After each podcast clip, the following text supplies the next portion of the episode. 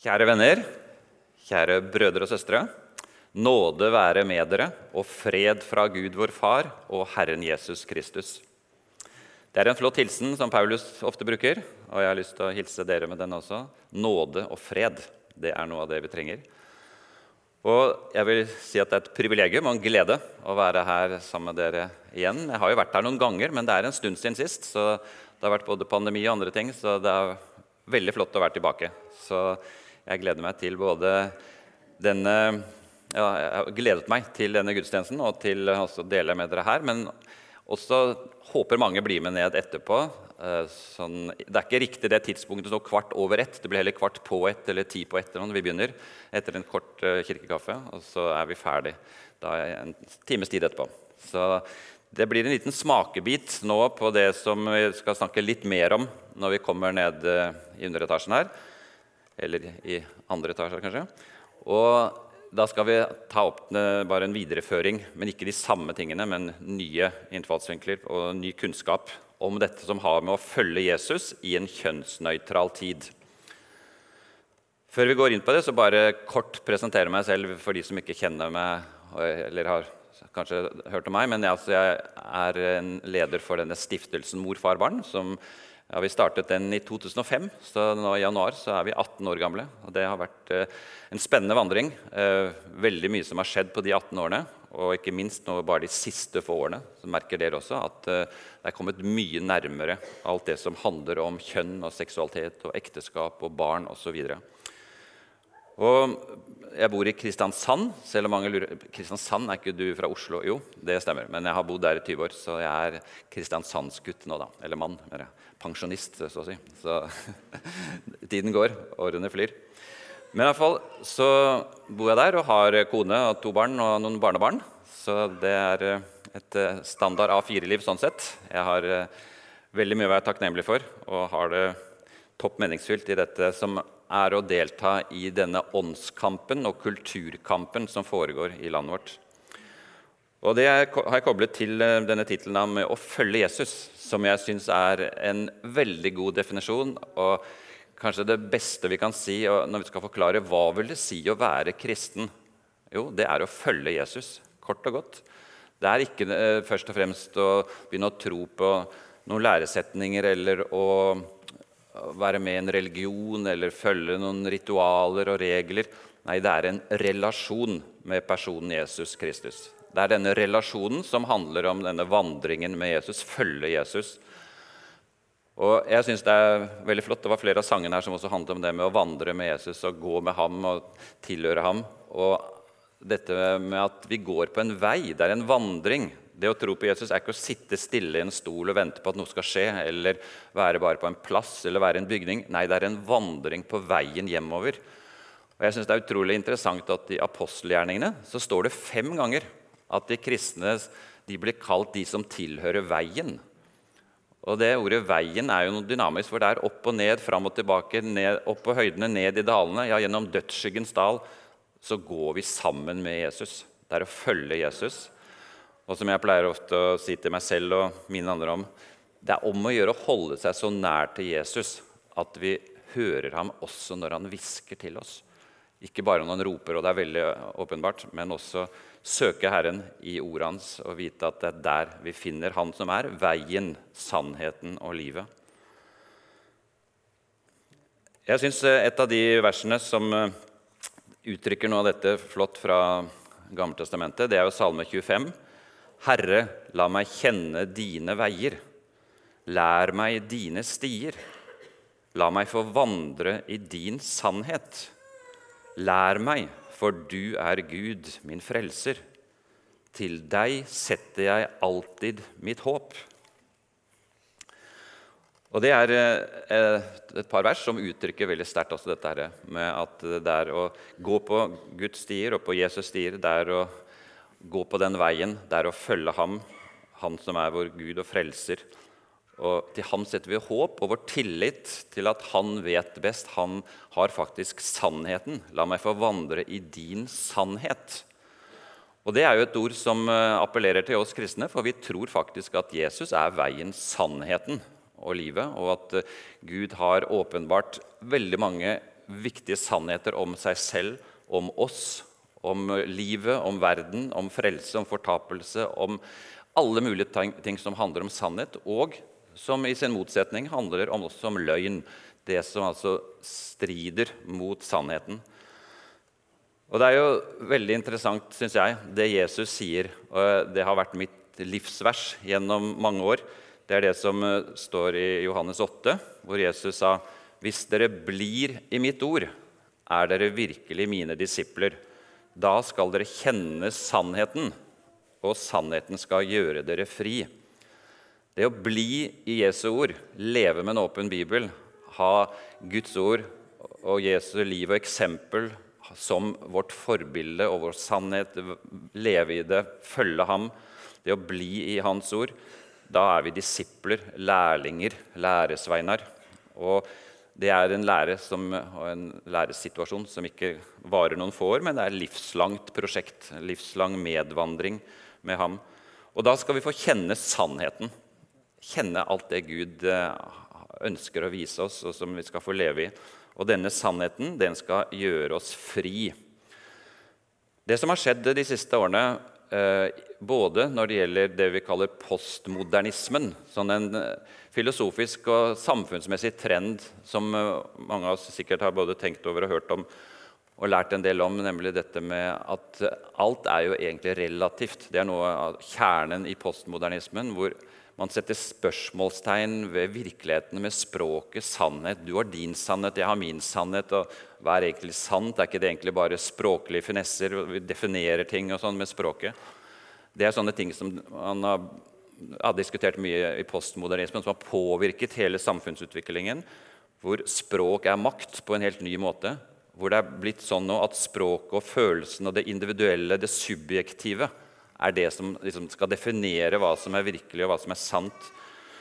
Og da Postmodernismen er jo en veldig viktig faktor også inn i det som har med skeiv teori, med pride-ideologi, med den radikale kjønnsideologien altså Det er mange navn på samme sak. Og Budskapet nå fra postmodernismen og pride-ideologien det er jo på ingen måte det Jesus sier, at sannheten, altså en objektiv størrelse, noe som eksisterer helt uavhengig av hva jeg mener, og hva jeg føler, men det er en objektiv sannhet, Guds sannhet. Den skal gjøre oss fri. De setter det hele i stedet på hodet. Og så nå lyder det kanskje ikke med disse ordene, men det er det som er budskapet. Friheten skal gjøre dere sanne. Friheten, den grenseløse friheten til å tenke og føle og bestemme helt selv. Du kan se bort fra kroppen din. Den betyr ingenting for hvilket kjønn du har.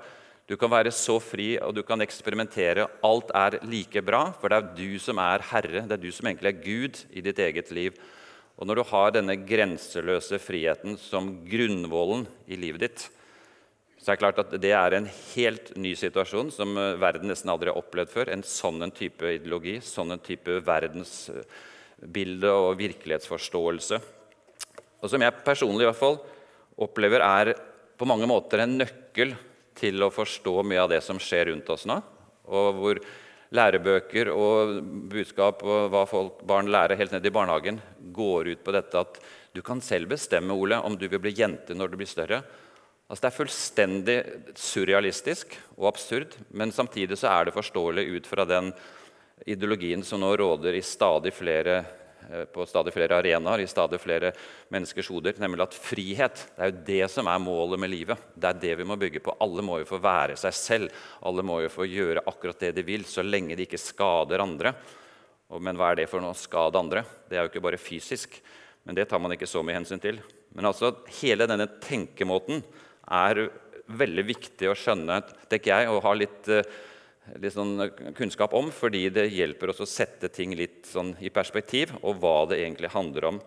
Så det er et helt nytt syn på virkeligheten, et nytt syn på, på meg selv og på hele menneskets uh, utgangspunkt og eksistens og mål, og som vi jo har klare svar på som kristne ut fra Bibelen, men som veldig mange rundt oss er dypt uenige fordi de setter grenseløs frihet som mye viktigere.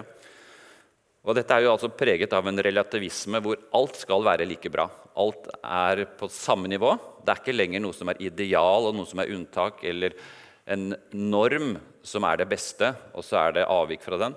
Nei, nå er alt nivellert ned på samme nivå. Hvor hvis du sier at noe er bedre enn noe annet, så er du en intolerant mørkemann.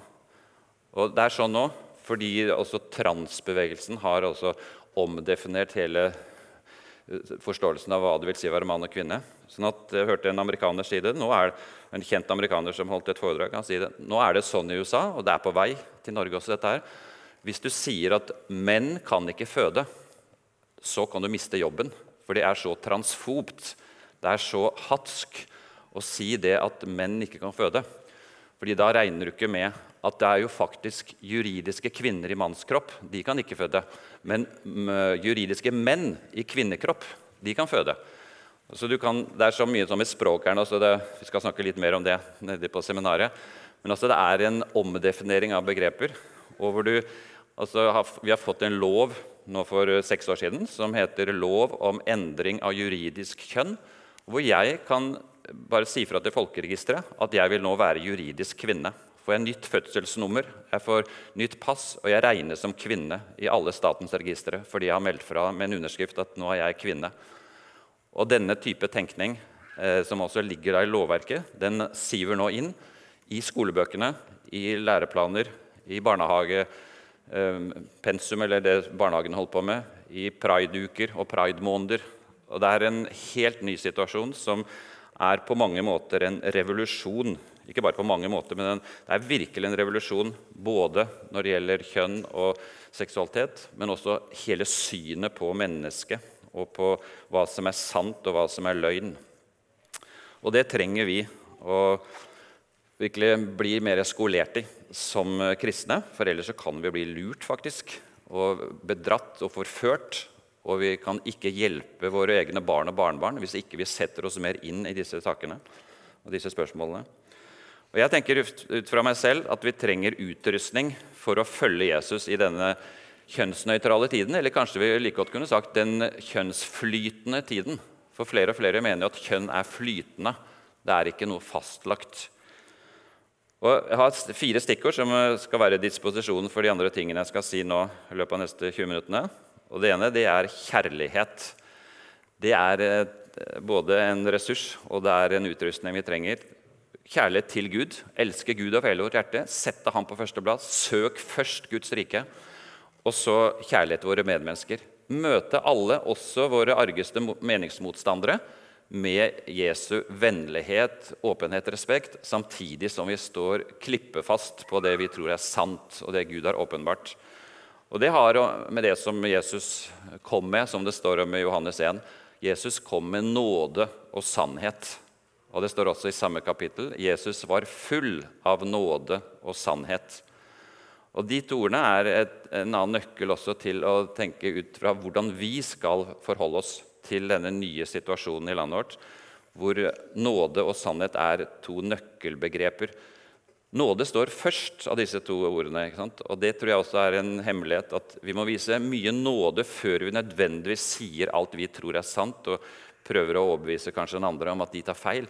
Det er ikke nødvendig å fokusere på først. Nei, det er nåde, vise vennlighet, som er en del av åndens frukter. Kjærlighet, glede, fred, overbærenhet, vennlighet. Og Det tror jeg er en god konkretisering av hva kjærlighet er for noe i praksis. Det er å vise vennlighet og ikke bli så provosert at vi mister fatningen eller vi kommer med masse sånne utsagn som sårer eller krenker, de andre føler krenker. Eh, dem fordi vi sier ting på en måte som eh, ikke er kjærlige, ikke er vennlige. Og Paulus sier jo i, Feseren, nei, mener i Filippe-brevet, 4. kapittel, La alle mennesker få merke at dere er vennlige. Herren er nær. La alle mennesker, ikke bare de som er enige med oss, de som går i menigheten sammen med oss. Nei, la alle mennesker få merke at dere er vennlige. Så er det kallet til å følge Jesus uansett omkostninger kallet til virkelig å være trofaste, lydige, til å leve i hans både skaperordninger, men også i hans sannheter om hva livet handler om. Det med hva gagner et menneske om det vinner hele verden, men taper sin sjel. Vi også er fristet i dette materialistiske landet, hvor mammon har enorm kraft til å tilpasse oss det. Og hvor mange av oss er det som kanskje går på akkord med det vi egentlig tror også, at vi bør gi tiende? Hvis alle kristne i Norge hadde gitt tiende, så hadde vi hatt en helt annen økonomisk situasjon i Norge. Fordi I gjennomsnitt så gir faktisk norske kristne toende og ikke tiende. Det er tragisk. Vi mangler i hvert fall 5 milliarder kroner i året i Kristen-Norge eh, fordi ikke alle av oss gir tiende. Og Det er et mål jeg vil utfordre til også hver enkelt av dere. Hvis dere ikke gir tiende, ta det som Jesu kall. At eh, vi skal være forvaltere av våre ressurser på alle områder, også pengene. Og så er det kunnskap gir frimodighet. Hvis ikke vi får nok kunnskap om også disse tingene, så blir vi tause. kort og godt. Og ikke minst på dette temaet, fordi det er så aggressivt fra motparten. Så hvis ikke vi vet helt hva det handler om, er redd for å si noe galt, redd for å støte noen eller redd for å komme i avisen fordi vi er litt sånn sleivete med ordene, ikke helt bruker både det språket, men også den kunnskapen som er nødvendig, og Her er det ikke nødvendig å være ekspert og ha noe doktorgrad. eller noe som helst. Det er bare nødvendig å lese seg litt opp og kunne litt mer enn de andre. og det er ikke så vanskelig. Og Der har vi et lite ressursbord ute i gangen der. Jeg skal dele litt mer om det også på seminaret, hva som finnes også av ressurser på Internett. Det er veldig gode ressurser nå på norsk og også på andre språk, men ikke minst på norsk er det nå mye bra.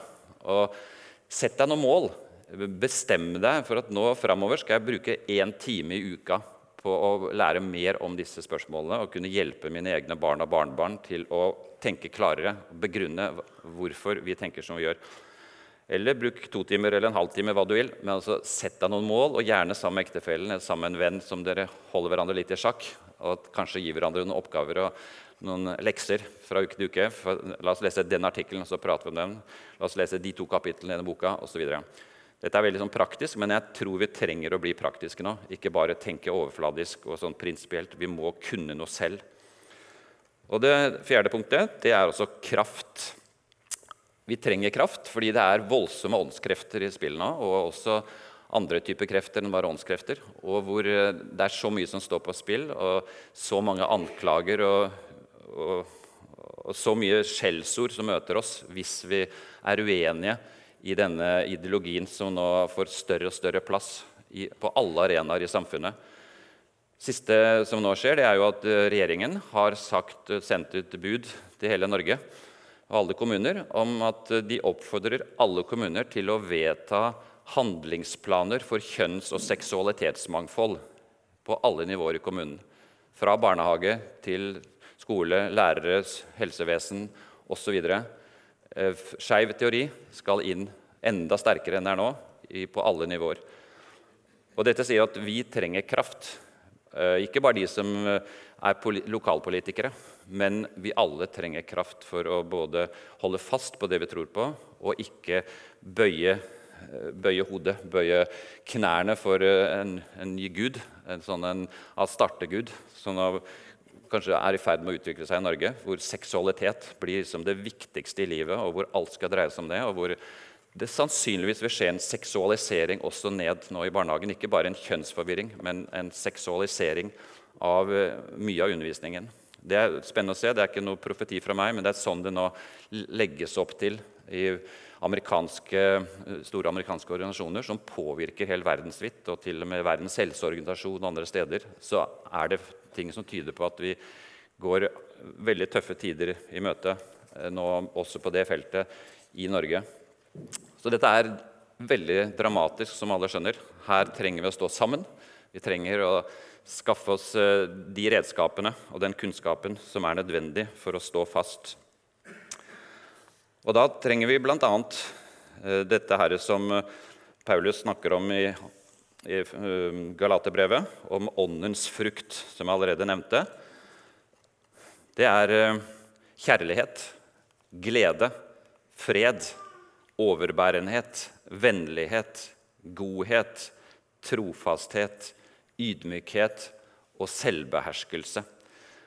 Og Dette er jo egenskaper som kjennetegner Jesus. Det er på en måte Kristus-kvaliteter, og som Gud vil skal vokse fram i våre liv også når vi følger Jesus. Ikke fordi vi drar oss etter håret og bare tar en viljesbeslutning. nå skal jeg bli annerledes, nå skal jeg forbedre meg. Ikke fordi vi tar oss sammen, men fordi vi er sammen med vår frelser, med Jesus, over en åpen bibel, i fellesskap med andre. Det er de fire b back to basics, bønn, bibel, brødsbrytelse, brorskap. Eh, det er eh, så viktig nå i tiden framover å stå sammen og ikke bare kjempe hver på sin familie med sin lærer og rektor på skolen, og sånn, men at vi finner sammen. og Der vil jeg oppfordre dere også til å danne noen grupper med foreldre som har barn i barneskole og barnehage, for å møtes og for å styrke hverandre og hjelpe hverandre, dele erfaringer, ressurser osv. Det andre punktet, hovedpunktet som nevnte her på denne oversikten, det var jo kallet. Og det er eh, et veldig flott ord.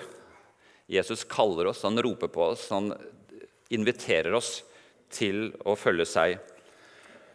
Og jeg syns det er interessant det som eh, Paulus skriver i Efeserbrevet 4 om eh, situasjonen som både feserne og andre menigheter på den tiden var midt oppi, og som jo er ganske anvendbart, altså, anvendbart også for oss i vår situasjon, fordi det handler om forførelse på mange plan. Vi skal ikke lenger være umyndige småbarn. Ikke la oss kaste hit og dit og drive omkring ved hvert eneste vindpust av ny lære, så vi blir et bytte for menneskers falske spill og listige, forførende knep. Men vi skal være tro mot sannheten i kjærlighet, og i ett og alt vokse opp til Ham som er hodet, Kristus. Også på Jesu tid og på Paulus tid og århundrene etterpå så har det vært lett å bli bytte for alle mulige typer nye eh, trender og filosofier og lærer, og som ofte blir presentert på falske måter med falsk spill og listige, forførende knep.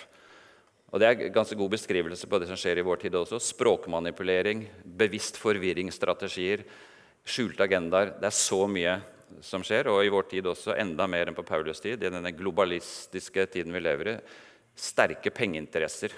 Bare tenke på at uh, den uh, legemiddelindustrien i verden i dag, ikke minst de store internasjonale selskapene, er veldig positive til transagendaen.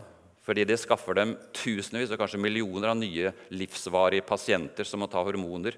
Dyre medisiner som de tjener milliarder av kroner på, og som de støtter Altså Det er legemiddelindustrien som støtter transbevegelsen eh, av forskjellige grunner, men også av ren og skjær eh, profittinteresse ved at de vil tjene milliarder av kroner på det hvis dette utvikler seg videre i mange land.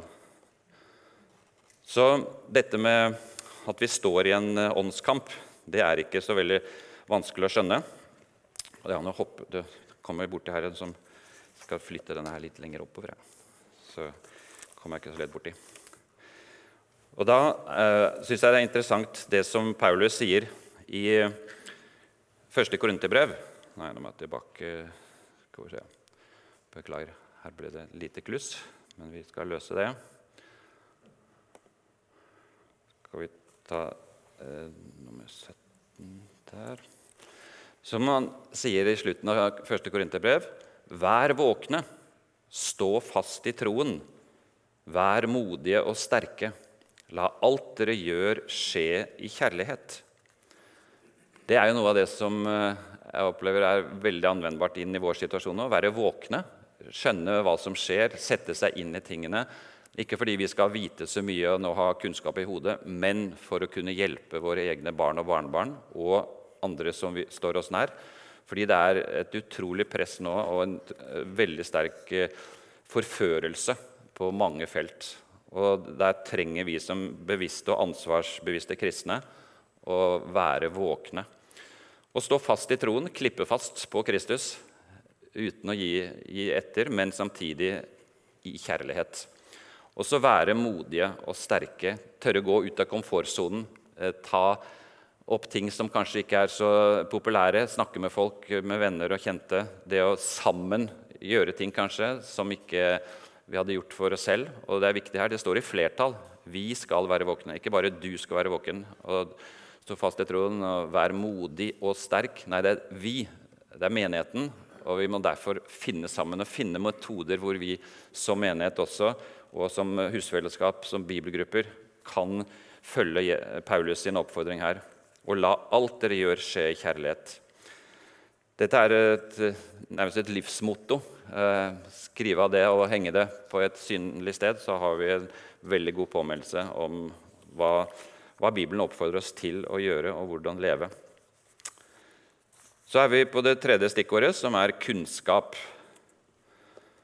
Det har jeg allerede sagt noe om, så jeg skal ikke være lang på dette. Men det som vi trenger nå kunnskap om, det er jo særlig det som går på kjønn og barn.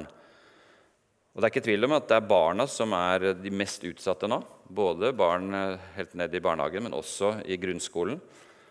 Og hvor det er nå på ulike måter eh, kommet inn i lærebøkene etter den nye læreplanen ble vedtatt i 2020. Altså For to år siden så ble det vedtatt en ny læreplan. Også de 20 slutten av 20 og hele 2021 i fjor så ble det utgitt nye lærebøker, og det kom også flere nå i år. Og nå er snart alle lærebøker i alle fag eh, i, følge, altså i tråd med de nye lærebøkene. Det er omskrevet og det er innført helt nye ting når det gjelder disse spørsmålene som vi snakker om i dag. Og hvor eh, f.eks. Aschehougs læreverk har tekster og har Dere kan ikke lese dette, det er ikke meningen. Ja, kanskje noen kan det, Men altså, dette er på et eksempel. Vi skal se litt på noen praktiske ting, hva som skjer nå i lærebøker nede på seminaret etterpå. Men hvor skeiv teori er integrert i flere fag, og hvor det ikke settes spørsmål om at dette er noe som noen synes og andre er uenige og sånn. Nei, det presenteres som sannhet. Som at uh, det finnes mange kjønn, og at du kan være født i feil kropp osv det er nå en del av lærebøkenes pensum, som ikke staten har pålagt dem, men fordi det finnes ikke lenger noe kontrollorgan for lærebøker i norske skoler. Hvert forlag kan gjøre akkurat som de vil. Og da er det aktivister som har infiltrert redaksjonene i flere forlag. Og f.eks. to lærebøker nå for Aschehoug eh, for 5. og 6. klasse i samfunnsfag. Der er det en som er tidligere nestleder i Foreningen FRI, som deltar i den lille gruppa på fire personer som har skrevet den læreboka og hvor, det, hvor tre eksempler på tre ungdommer som forteller hvordan de har funnet ut at de er det motsatte kjønn osv. Og, og hva kan vi lære av dem? De skal ha gruppesamtale med etterpå, elevene. Eh, den, eh, og de tre personene er tilknyttet Foreningen FRI. og Det er nå inne i lærebøkene fra Aschehoug. Så her er det en infiltrering og en, en, eh, en ja, sånn manipulering med lærebøker og med stoffet som står der, og regjeringen kan ikke gjøre noe hvis ikke det strider direkte mot læreplanen. fordi det finnes ikke lenger noe kontrollorgan som godkjenner, eller godkjenningsorgan for lærebøker. Hvordan vi er kommet hit, det er jo vanskelig å vite, sikkert. Men eh, jeg syns tre stikkord som eh, gir en ganske god beskrivelse av disse drivkreftene. Tre stikkord som er lett å huske. Dette er ismer. Det ene det er en ekstrem individualisme. Hvor ikke lenger vi er Guds skapning og han har satt rammer for våre liv. Vi lever i en virkelighet hvor Gud er herre. Nei, det er en individualisme hvor jeg er konge, jeg er min egen herre. Meg og mitt, min selvrealisering er livets mål.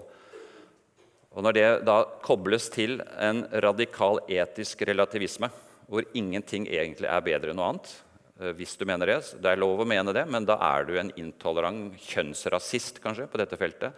Og du, du bør bare tie stille. Ellers så vil du måtte betale en pris. Og I den eh, sammenheng så synes jeg det er interessant å nevne det som den forrige paven sa, Benedikten 16., som i 2005 eh, sa det at, eh, i en tale at eh, Europa er sannsynligvis på vei inn i relativismens diktatur. Det er et veldig godt uttrykk. Hvis du har et samfunn som er eh, på hvert fall en del områder, da, og ikke minst på samliv og kjønn og seksualitet, er helt relativistisk, så blir det et diktatur for alle de som er uenige. Det er ikke lenger mangfold og toleranse som gjelder. Her er det eh, totalitære krefter som ønsker da, De må bringes til taushet, for her er det én sannhet som skal gjelde.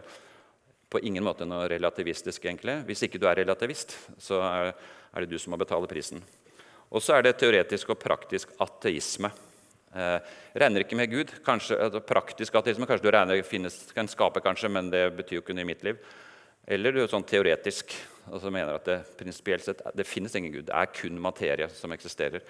Og det er ikke noe åndelig virkelighet. Og disse tre ismene sammen, da, i den vanhellige blandingen der, eh, kobler de sammen, så blir det denne her grenseløse friheten som jeg nevnte, som altså friheten skal gjøre deg sann. Da, hvis du bare ikke tar hensyn til normer og tradisjoner og regler og bud, men bare er fullstendig fri, da skal du virkelig finne deg selv og oppdage hvem du egentlig er. Til slutt så er det da det siste ordet 'kraft', som eh, er også et viktig ord for oss, og som eh, er veldig eh, interessant og sterkt at på gresk så heter det 'dynamis' de fleste stedene i Det nye testamentet hvor vi leser om kraft. For er det står at Jesus sier til disiplene etter oppstandelsen dere skal få kraft når Den hellige ånd kommer over dere, og dere skal være mine vitner i Jerusalem og hele Judea, i Samaria og like til jordens ender. Dere skal få dynamis. Og Dynamis det er jo et ord vi har som låneord på norsk også. det er Dynamitt og dynamisk og dynamo. Og Spesielt det ordet dynamo synes jeg er kjempeinteressant. fordi det er jo et lite instrument som produserer kraft når det kommer i bevegelse. Så Når bilen eller sykkelen eller noe annet kommer i bevegelse, så produseres det kraft. Og Det tenker jeg er en veldig god illustrasjon. Jesus sendte ut disiplene til hele verden. Han sa dere skal få kraft, og så skal de gå, og de får kraft mens de går. I årene framover i livet får de kraft når de beveger seg, når de er i bevegelse for Herren.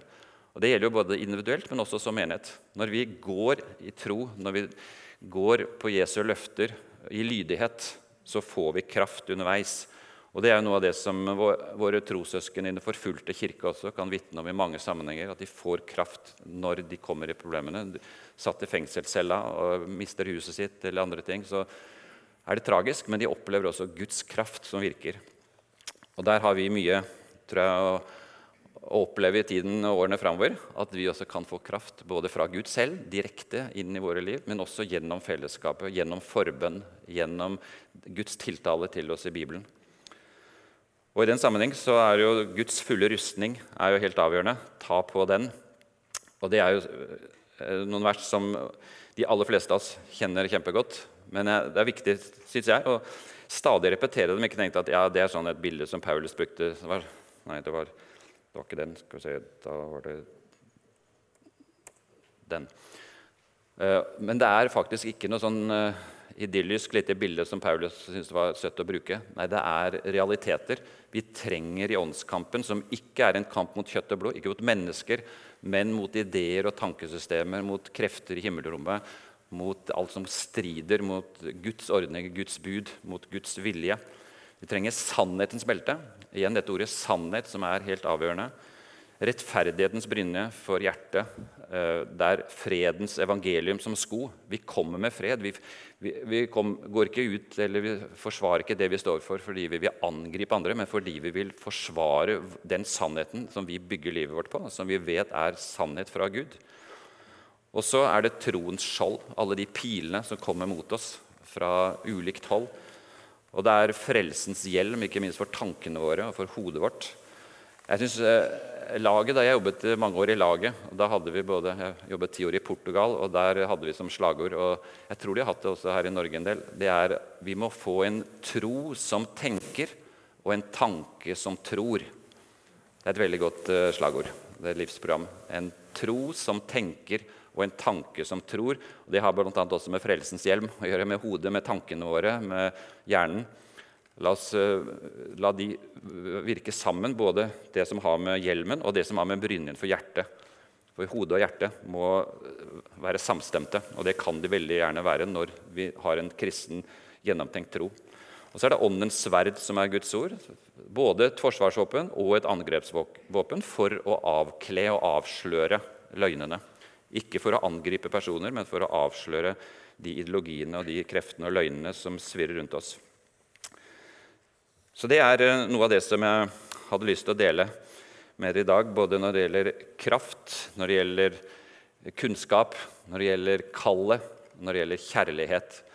Og skal vi snakke litt mer om flere av disse tingene, og ikke minst eh, eh, sånn, vise i praksis hvordan dette er nå på forskjellige områder i dette lille seminaret vårt etterpå.